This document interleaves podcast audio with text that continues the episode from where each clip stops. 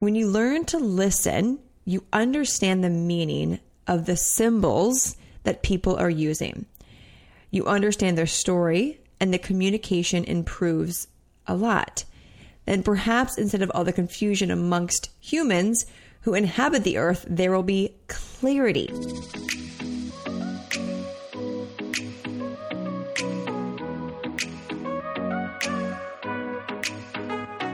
Welcome to a tailored adventure to happiness. I'm your host, Taylor Simpson, mystic, unicorn, motivational speaker, brain nerd, and spiritual expansion mentor. It is my mission to inspire women to shine their light, own who they are fearlessly, and create an abundant AF life doing so. On this show, I cover everything from neuroplasticity, sexuality, to how to tap into different frequencies like money, dissolve unserving beliefs, and get high vibey with fifth dimension goodness. My hopes are to educate you, support you on your path of inner growth and ascension, and even trigger you in the best ways possible. Cheers to living a magical life, and I am so grateful to be a part of yours. Now, let's head in to today's episode. Welcome back to the show. I am super jazzed about today's conversation. So, you know, when a book speaks to you, actually calls out to you until you pick it up or re pick it up. Maybe it's a book you've read many times over, but it's been a few years and it's sitting on your shelf saying, Read me, read me again. Or you've been just hearing this book that's kind of just been casually talked about and it just keeps kind of coming up. Like the book is saying, Find me, get me, read me. Well, that's what happened recently with the classic book, The Four Agreements. If you have not read The Four Agreements, it is by Don Miguel Ruiz. It is just, it's a cult classic. It's a foundation similar to The Power of Now that I've talked about a few times. And I read The Four Agreements years ago years ago. And I think I gifted it away just like The Power of Now because I couldn't find my original copy. Well, it kept just on my Instagram feed, someone would share that they were reading it. In a conversation, someone mentioned it. And then eventually, I was staying at an Airbnb in Sedona.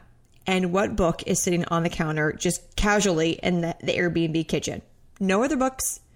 Yep, you guessed it. The Four Agreements is sitting right on the kitchen counter. I just crack up when I walk in there. Immediately ordered a new copy and dove in. And I realize now why it needed to come back up into my life and why I'm meant to reread it and why I'm now meant to just do a little bit of an overview recap of it. So, again, I recommend reading this so you can receive all the medicine in here. But I really want this, the four agreements, and then I'm reading currently the fifth agreement, their newest book, Don and his son, Don Jose Ruiz, wrote and it's on the, the fifth agreement is actually a topic we talked about on one of our most recent abundant life experience monthly calls. And it hit home for the women like in all of the ways. And so i knew i had to turn this into a podcast episode. So again i'm just going to be going over in my own unique way the four agreements. Please read the book. These are not my ideas or like you know my container the book. Um, but i did find my own unique um, views on each one. And I have a feeling that this synopsis of the book is going to support you if you don't have the time to read it or you're not a reader. I recommend if you have a journal or a pen, journal and a pen, not or, journal and a pen, to write these down. To write these down or in the note the notepad on your phone to write them down because they're really easy tangible tools that if you just have in your in your space at all times and written down, you'll remember them more. And they are so tangible, so easy, and very remembering. And if you know the four agreements, you're probably going to learn even more from this because when we hear these things again, we learn even more because we, as we evolve, we hear and read things completely different. And so, yeah, if you read these, stay tuned. And even when I read this again, I took so many different things uh, about it, and that's what I that's where I was going on that side tangent. Is that as we evolve, we see things and read things and hear things in a completely different way. So that's why I always recommend reading books again if they speak to you because it means you're at a different place in your evolution to receive the medicine in a new, unique way. All right. The first agreement be impeccable with your word. Be impeccable with your word. This isn't like when I first read this, I was like, be impeccable with your word. Like, so don't ever flake out, don't ever not show up. No, this is all about casting spells, is my unique twist on it. So be impeccable with your word. Your words are vibration. Me speaking right now is turning into a vibration turning into then physical form. If you listen to this podcast, you know that. You that's manifestation. If you speak it, you know it, you feel it, it's going to happen. So there's white spells, I like to say, and dark spells. What spell are you casting when you're just speaking your day in your day-to-day life? Just ongoing, are you casting dark spells or light spells? Meaning, are you speaking empowering things that you want to come to fruition? Or are you speaking to disempowering things that you keep attracting because you keep casting dark spells? Example, I love knowing that I am constantly open to receiving abundance that flows to me with ease. White spell, light spell. If you are even every other day or once a week saying, oh, money's so hard to make. I can't believe I just can't make more money. I feel so stuck. I wish I had more money. Casting dark spells. So when you are impeccable with your word, like micromanaging that, you are guaranteed to attract exactly what you want. And that means you're always speaking things that are in alignment and of high vibration. Are there times that we're going to forget and have amnesia? Yep, totally. That's the point of life is to forget and then remember, forget and remember. And let's take it even deeper. When it comes to being impeccable with your word, are you judging yourself or judging other people?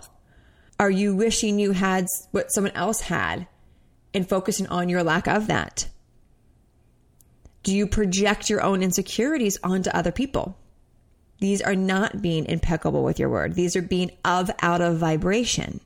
Therefore, you will always be feeling out of vibration, thus attracting things that are out of vibration, not that you want. So if you begin to honor this first agreement of, okay, today, I'm going to be impeccable with my word, i.e., again, the term for me, impeccable with your word, sounds like you'd like follow through and always show up and never say no or change your mind. So I like to change it to micromanage your words. Lovingly micromanage your words so much so that it becomes a habit. It becomes automatic and you don't have to think about it. But what would that look like? To wake up in the morning and say, okay, today I'm committed to micromanaging and being intentional with every single word that comes out of my mouth, catching before it comes out if it's a dark spell or a light spell totally up to you. So when you can get into that space of, oh, if I slip up, how can I flip and, and reverse the spell and then shift it into an empowering one? And this is also the thoughts you have in your head, not even just that come out of your mouth. So this rule goes towards that as well. What words are you saying to yourself? Just because they're not coming out of your mouth doesn't mean that the results from them aren't going to come to fruition. Feelings also are vibrations. So if you stick with this, this being committed to micromanaging the words that are said in your head and out of your mouth, you'll begin to see how different life shows up for you. And I want to read this section of this is in the fifth agreement, but going over the first agreement. If you use your awareness, you will see everything you believe. And this is how you live your life. Your life is totally dominated by the system of beliefs that you learned. Whatever you believe is creating the story that you're experiencing. Whatever you believe is creating the emotions that you're experiencing. And you may really want to believe that you are what you believe, but that image is completely false. It's not you.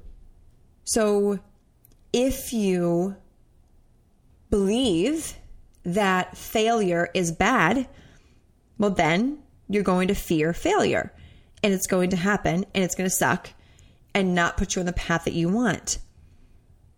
But what if you change your wording around what failure means to you? What would that look like? What would that look like to completely change the definition of what failure means?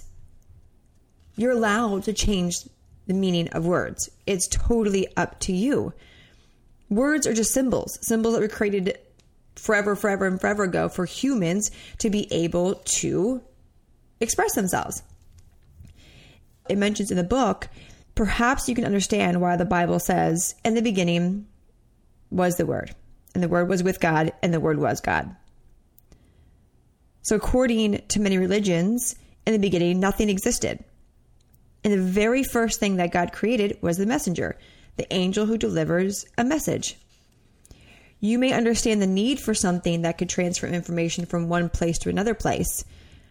Of course, from nowhere to nowhere seems a little complicated, but it's very simple at the same time. In the beginning, God created the Word, and the Word is the messenger. You are the Word. When I say God, universe, the divine, doesn't matter. You are the Word, therefore, you're really powerful. So, can you take inventory of where you've been casting dark spells and not being air quote impeccable with your word, therefore have created a, a reality that is not in alignment with what you really want? Or have you been really good about keeping an eye on your word? It's up to you. The story you're telling yourself about yourself is it true? Is it true?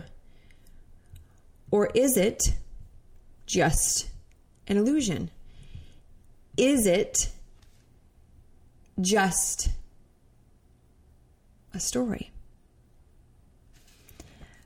Agreement number two don't take anything personally.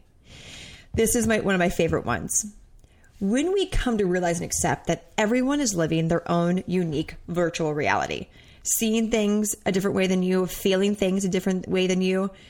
If you were to, let's say, that there is a, he shares this in the book, this type of analogy, and I love it, this really big movie theater, and everyone you know is sitting in each individual movie theater alone, and they're watching the movie of their life when you walk into their movie theater, that's their perspective of life, and you sit down, they're going to see you in a completely different light than you see yourself. They're going to see themselves in a completely different light than you see them. They're going to see situations, feelings. They might be triggered by a tiger, and you're not triggered by a tiger. They might micromanage their time and time block differently than you do. You might go with the flow more they might take time to respond to phone calls because that's just what it's in alignment with them, and you might not. So, see how easy it is to forget that everyone's living in their own virtual reality, and that when we take things personally, we're missing a really key nugget that we could be re- rereading the entire situation completely wrong, which is most of the time.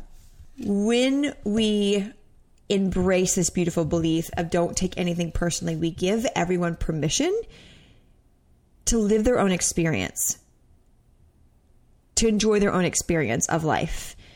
We don't cross wires with other people, so to say. Therefore, we honor people's decisions. We honor how they show up, how they speak, how they speak to us. Knowing they could be projecting their own insecurities on us, their own beliefs, their own past wounds, which I've been calling uncomfortable experiences lately. I want to read a little section in here. Everything you perceive is a reflection of what is real, just like the reflections in a mirror, except for one important difference. Behind the mirror, there is nothing. But behind your eyes is a brain that tries to make sense of everything. Your brain is interpreting everything you perceive according to the meaning you give to every symbol, according to the structure of your language, according to all the knowledge that was programmed in your mind. Everything you perceive is being filtered through your entire belief system. And the result of interpreting everything you perceive by using everything you believe is your personal dream. This is how you create an entire virtual reality in your mind. Perhaps you can see how easy it is for humans to distort, distort what we perceive. Light reproduces a perfect image of what is real, but we distort the image by creating a story with all those symbols, i.e., words, beliefs, feelings, animals, you all the symbols, wording, and inanimate things, and opinions that we learned. We dream about it, and with our imagination and by agreement, we think that our dream is absolute truth. Dreaming being being thinking when you're awake, but like not fully Buddha aware. when the truth is that our dream is a relative truth, a reflection of the truth that is always going to be distorted by all the knowledge we have stored in our memory. So this means when you when someone doesn't call you back and you automatically go to a past experience where someone didn't call you back and they completely ghosted you. And that's a belief that you have is that when people don't call you back, that they're ghosting you, therefore bringing up your unworthy, your unworthiness wounds, your abandonment wounds, everything. So if someone does that, you immediately assume that they did it from a place of not being kind, that they don't like you anymore or they're leaving you. But what if we just think, you know what? They're living their own virtual reality, making their own decisions. I'm not going to take it personally, knowing that they might just be going through something. And I don't have to make it about me because in the end, it never is about us. When other people are going through something, projecting, not showing up, ghosting, fill in the blank, it's always their own thing that they're doing. You just happen to be a bystander. So think about how much lighter you'd feel if you didn't take anything personally how much more you would show up maybe on social media if you are an, an entrepreneur or wanting to be. This is also like a mirror for fear of judgment. If you struggle with fear of judgment, can you follow this rule of not taking things personally, knowing everyone has their own story around everything they choose to do? The freedom that comes with that, it's like this permission slip we can grant to each other of hey, whatever I say, whatever I do, as a collective, can we all just agree to not take it personally? And if I hurt your feelings or you hurt my feelings, I know it's not me, that you were just projecting something that was not looked at by you maybe in a very long time onto me. Yeah, it sucked to receive that, but I'm not going to take it personally because I know anything that comes out of your mouth, your word, light and dark spell, I'm just a mirror for you. We're all mirrors for each other. Therefore, it's never about us.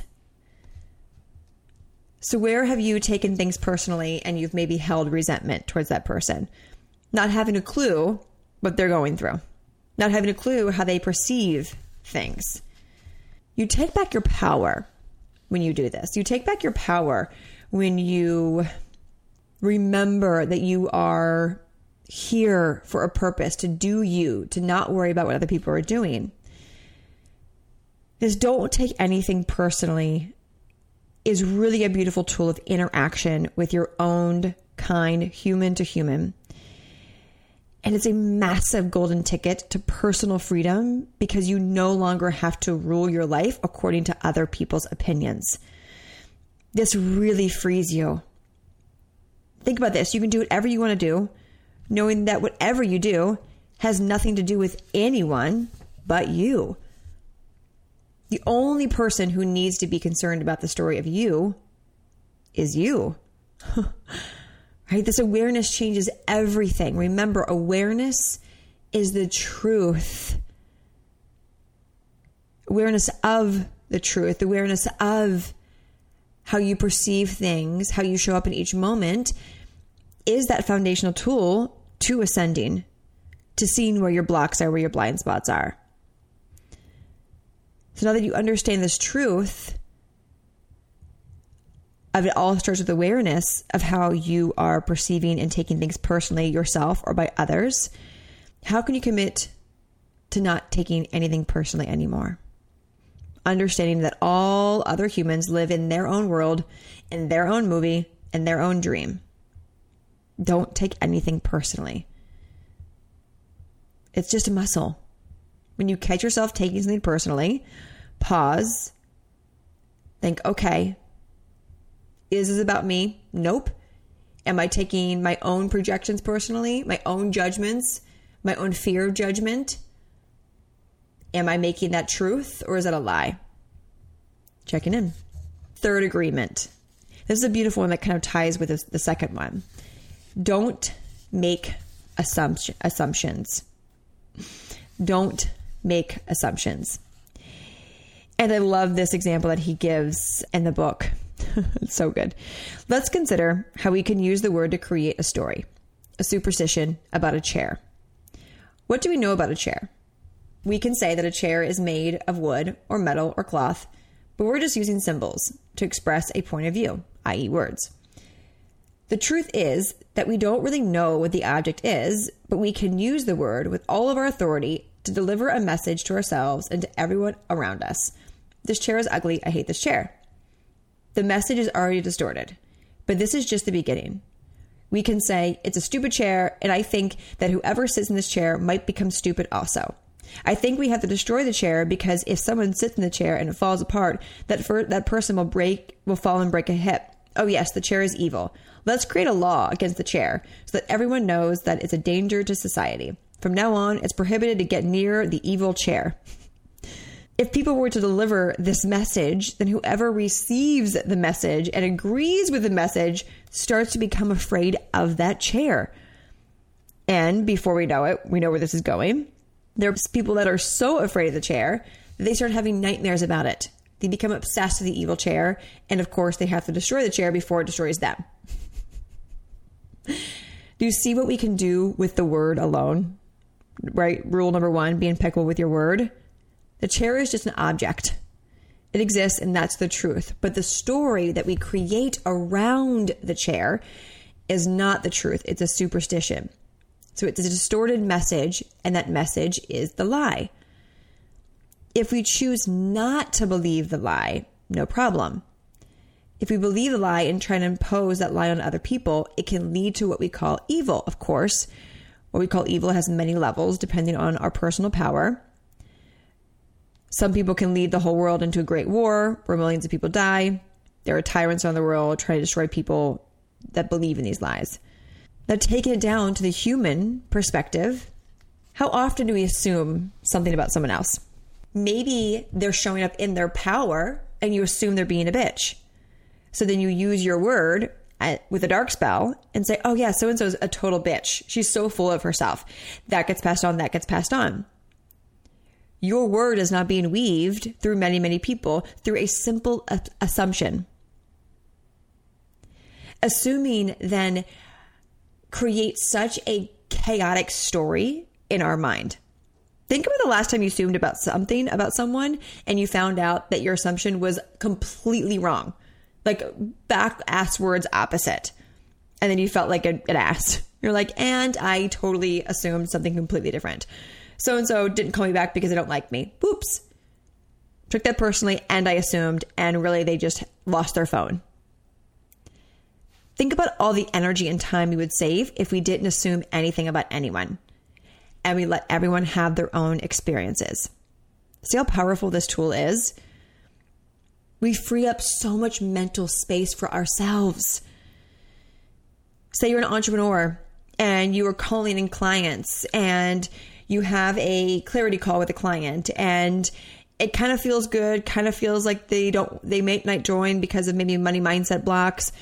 And then you assume they're not going to invest in themselves and in you. And then you ruminate for days. You're like, oh my gosh, they're not going to sign up. They're not going to invest in me and my skills, and therefore they're not going to transform. And oh my gosh, I'm not going to ever call on any clients, and then my business is going to fail. Then I'm going to look like an idiot, and then I'm going to look stupid, and then what am I going to do? And then three days go by, and said client signs up, and you think, oh, yep, yep, totally assumed. Been there, done that in many scenarios when we assume what someone's thinking, when we assume that someone knows what we're thinking. How many times have you done that? Asking for a friend, I'm raising my hand right now. When we release the need to assume, we take back our power, we give other people their power, we let them live their live their lives and ours our lives, and we trust the universe will lay out everything we need that is for our highest good. This is where we bring in energy and mindset and those quantum leaps if we don't assume and simply just focus on our desired outcome, not assuming, focusing on our desired outcome, holding that frequency, continuing to show up, the results will pan out accordingly. But if we fall for assuming the worst or assuming the best and not having wiggle room for our highest good, because sometimes we receive what we need, whether we like it or not, we always end up learning why it came into our lives. When we release the assumption also that everyone journals and that everyone has access to these kind of tools. We have more compassion for people too. Right? That's happening in the world right now all over. Is it's really clear who air quote journals and who doesn't. Not saying that journaling people are any better or less than. That's not at all. But let's just assume that everyone knows how to journal. Therefore, when people react a certain way or act a certain way or make certain decisions, we can't assume that they know everything that you and I know about all the things we talk about on here. So you see how we can release expectations and also disappointments? If you've ever been disappointed by someone, that means you assumed that they would pan out something or say something or show up in a certain way. You assumed, therefore, you let yourself down. You let yourself be disappointed. They didn't disappoint you. You assumed they would fill in the blank. How much later will we be if we just stopped assuming? Focused on our desired outcome, our desired intention, and then just showed up and trusted that everything will play out. If not taking anything personally, like number two, gives you immunity in the interaction you have with other people, then not making assumption gives you immunity in the interaction that you have with yourself, with the voice of knowledge or what we call thinking. Right? And making assumptions is all about thinking. We think too much, and thinking leads to assumptions. Just thinking, what if, right, can create a huge drama in our lives. Every human can think a lot, and thinking brings fear. We have no control over all that thinking, all those symbols that we distort in our head. If we just stop thinking, we can no longer try to explain anything to ourselves, and this keeps us from making assumptions. We have this need to explain and justify everything. We have a need for knowledge, and we also have a need, and we make assumptions to fulfill our need to know.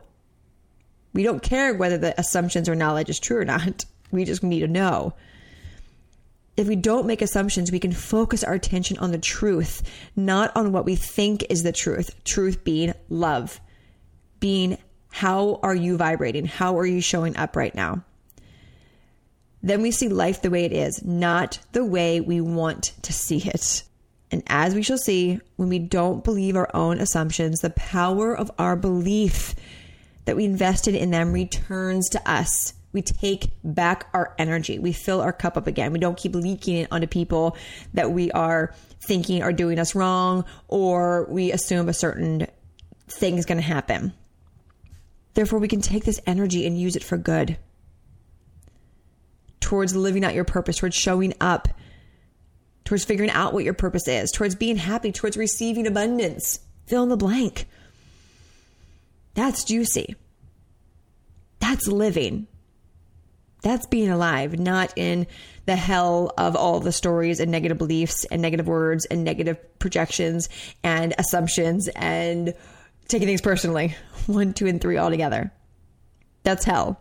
We all kind of live in, pur- in purgatory because we're still becoming aware. The goal is to be heaven on earth where we truly live and breathe these rules and then some. Number four, always do your best. Always do your best. If you practice being impeccable with your word, intentional with your word, if you don't take anything personally, if you don't make any assumptions, you're going to break thousands of agreements that keep you trapped in that dream of hell. Very soon, what you agree to believe will become the choice of your authentic self, not the choice of the image of yourself that you thought you were. So, remembering the first agreement, being impeccable with your word, is all you need to create a beautiful life. It will take you all the way to heaven, but you may need some support for this agreement. So, that means with number two, stay with me. When you don't take anything personally, when you don't make any assumptions, you can imagine that it's easier to be impeccable with your word. When you don't make assumptions, it's easier not to take anything personally, and vice versa. By not taking anything personally and by not making assumptions, you're supporting the first agreement, therefore, only speaking white spells. And I understand that that catching yourself with what you say can be hard because we have so much programming to unlearn, so many beliefs that aren't even ours to let go of, to unwire in the neurons in our brain and rewire in a way that empowers us. But this agreement, this fourth one, always do your best, is the agreement that everyone can do. There's no like unlearning, there's no reprogramming, because your best is in fact the only thing you can do. And the best you can do doesn't mean that sometimes you give 80% and other times you just give 20%. You're always giving 100%. That's always your intention if you so choose. It's just that your best is always changing. From one moment to the next, you are never the same. You evolve every single moment. From the moment you hit play on this, you're already evolving because that's just the life that you've committed to. You're alive and changing all the time. And your best is also changing from one moment to the next. And your best will depend on whether you are feeling physically tired or, or rejuvenated and refreshed. Your best will depend on how you are feeling emotionally. Your best is going to change over time. And as you form the habit of practicing these four agreements together simultaneously and also in a dance, your best is going to get better. And when you think that you're not doing your best, that's a lie because your best is just you saying in each moment, I'm just going to try my best to be happy. I'm going to try my best to show up as my aligned self. I'm going to try my best to stay true to my intentional, impeccable word and speak only white spells. I'm going to try my best to not take anything personally. I'm going to try my best to not assume anything. And if you, whoopsies, uh oh, that's okay because that was still your best. See, it's not about being perfect. I didn't say be perfect. It's about trying your best in whatever form that means in that given moment and every given moment moving forward. And then the fifth agreement. I know when I read, but I came across this fifth agreement after reading the fourth agreement, I was thinking, what could the fifth agreement possibly be? And it, it really actually like blew my mind, but also so simple. The fifth agreement is be skeptical, but learn to listen. Be skeptical, but learn to listen. Meaning, be skeptical because most of what you hear isn't true. You know that humans speak with symbols, words, and that symbols aren't the truth because they're just made up. The word pink is made up, a pen is made up, right? Me even like talking right now using symbols, symbols that have been made up. Symbols are only the truth because we agree that pink is pink, not because they are really truth. In the second half of the agreement, learn to listen, is because the reason is simple. When you learn to listen, you understand the meaning of the symbols that people are using. You understand their story, and the communication improves a lot. Then perhaps instead of all the confusion amongst humans who inhabit the earth, there will be clarity. So, whenever you hear a message from yourself or from another artist, human, anything, book, simply ask is this truth or not truth? Is it reality or is it a virtual reality? The doubt, right, doesn't mean you don't trust them. It's the symbols. And if it's coming from pure aligned love, the doubt takes you behind the symbols and makes you responsible for every message you deliver and receive. Right? Why would you want to invest your faith in any message that is not true? By being skeptical does it make it less than or better than. By being skeptical, you don't believe every message. You don't put your faith in symbols. And when your faith is not in symbols, your faith is in yourself. Then, if faith is believing without a doubt, stay with me, and doubt is not believing, be skeptical. Don't believe. And what will you not to believe? Well, you will not believe all the stories that we artists of our lives create with our knowledge. You know that most of our knowledge isn't true, just passed down through symbology. So don't believe me, don't believe yourself, and don't believe anybody else. Having neutrality with that word, though. Don't let that word trigger you as a bad thing. The truth doesn't need you to believe it. The truth simply is, and it survives whether you believe it or not. Lies need you to believe them. If you don't believe lies, they don't survive your skepticism and they simply disappear. Us mere humans distort, distort the truth because we are dreaming in this alternate reality, this virtual reality, and our dream is just reflection of our truth. So what lies are you telling yourself after you learn to question and be skeptical of everything? All of your thoughts, all of your your beliefs.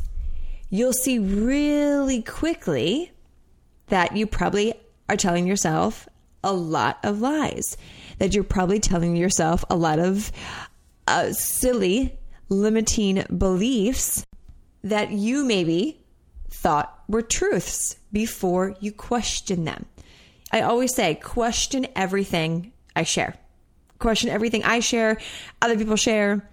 This is just giving it a title and, and putting it under kind of like an agreement, right? Agreement with self.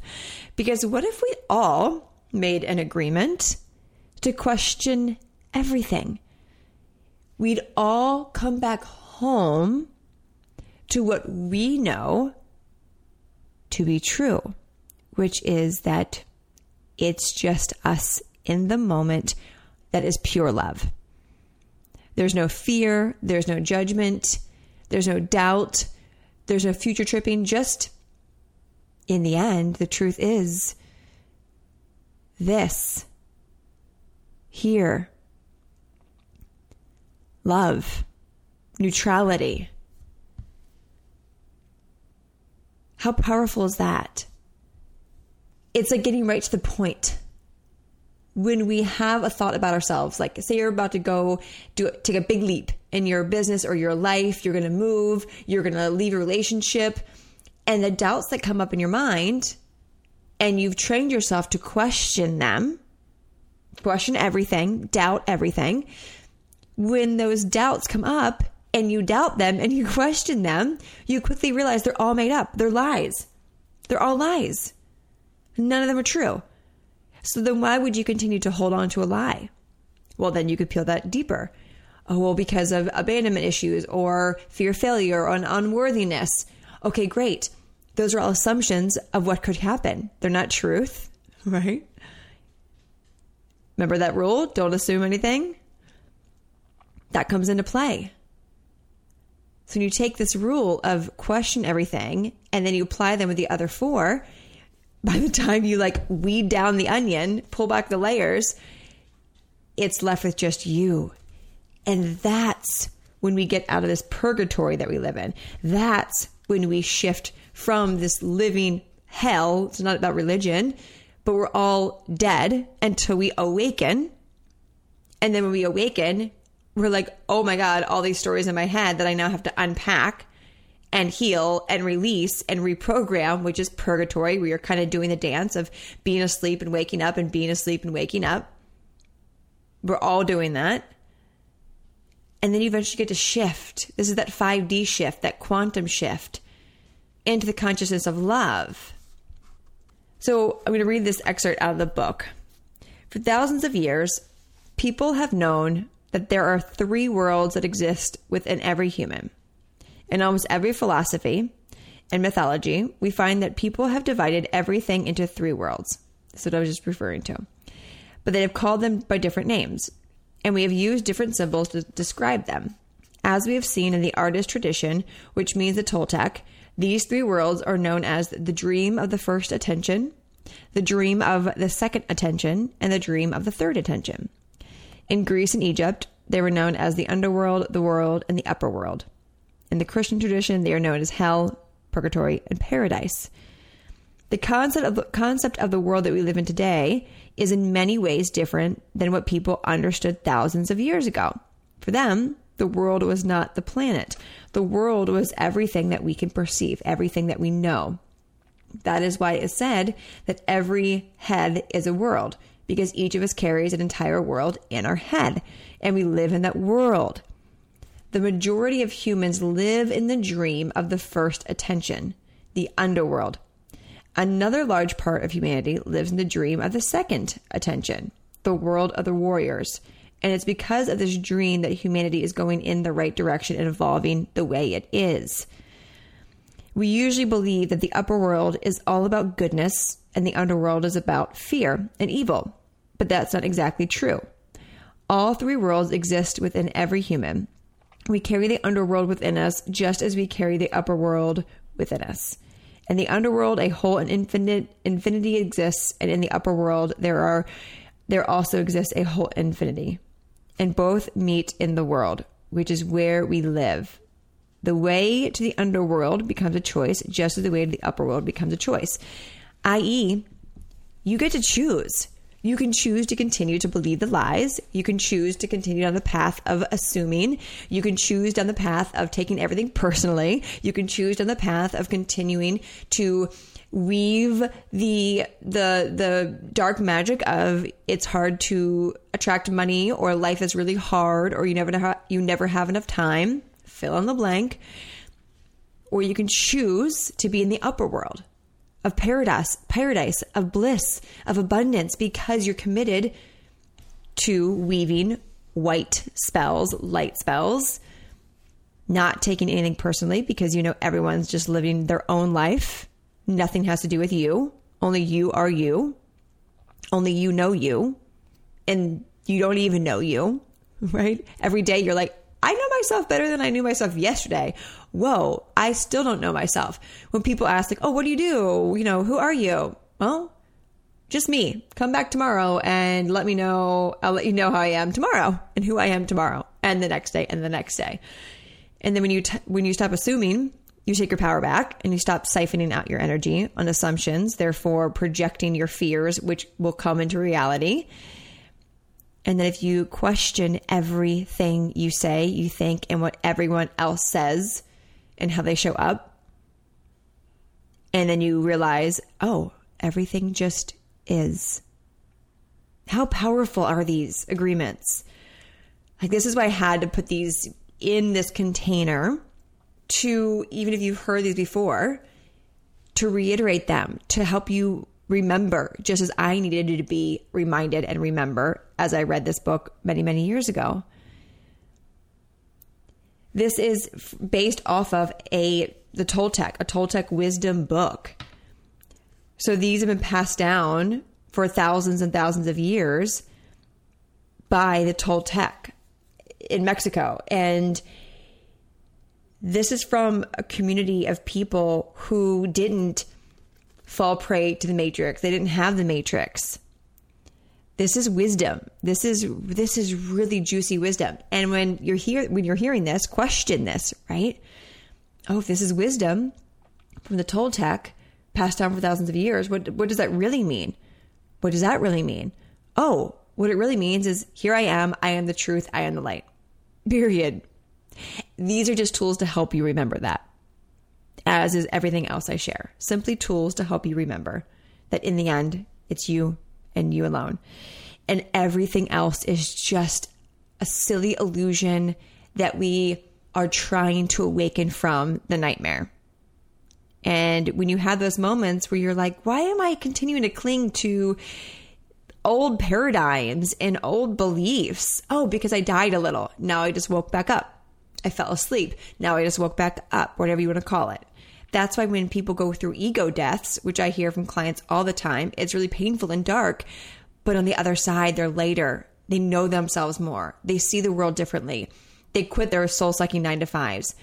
They step into their passion, their purpose, and before they know it, they've created massive financial abundance because they chose unintentionally to take on these agreements without realizing that they were taking on these agreements.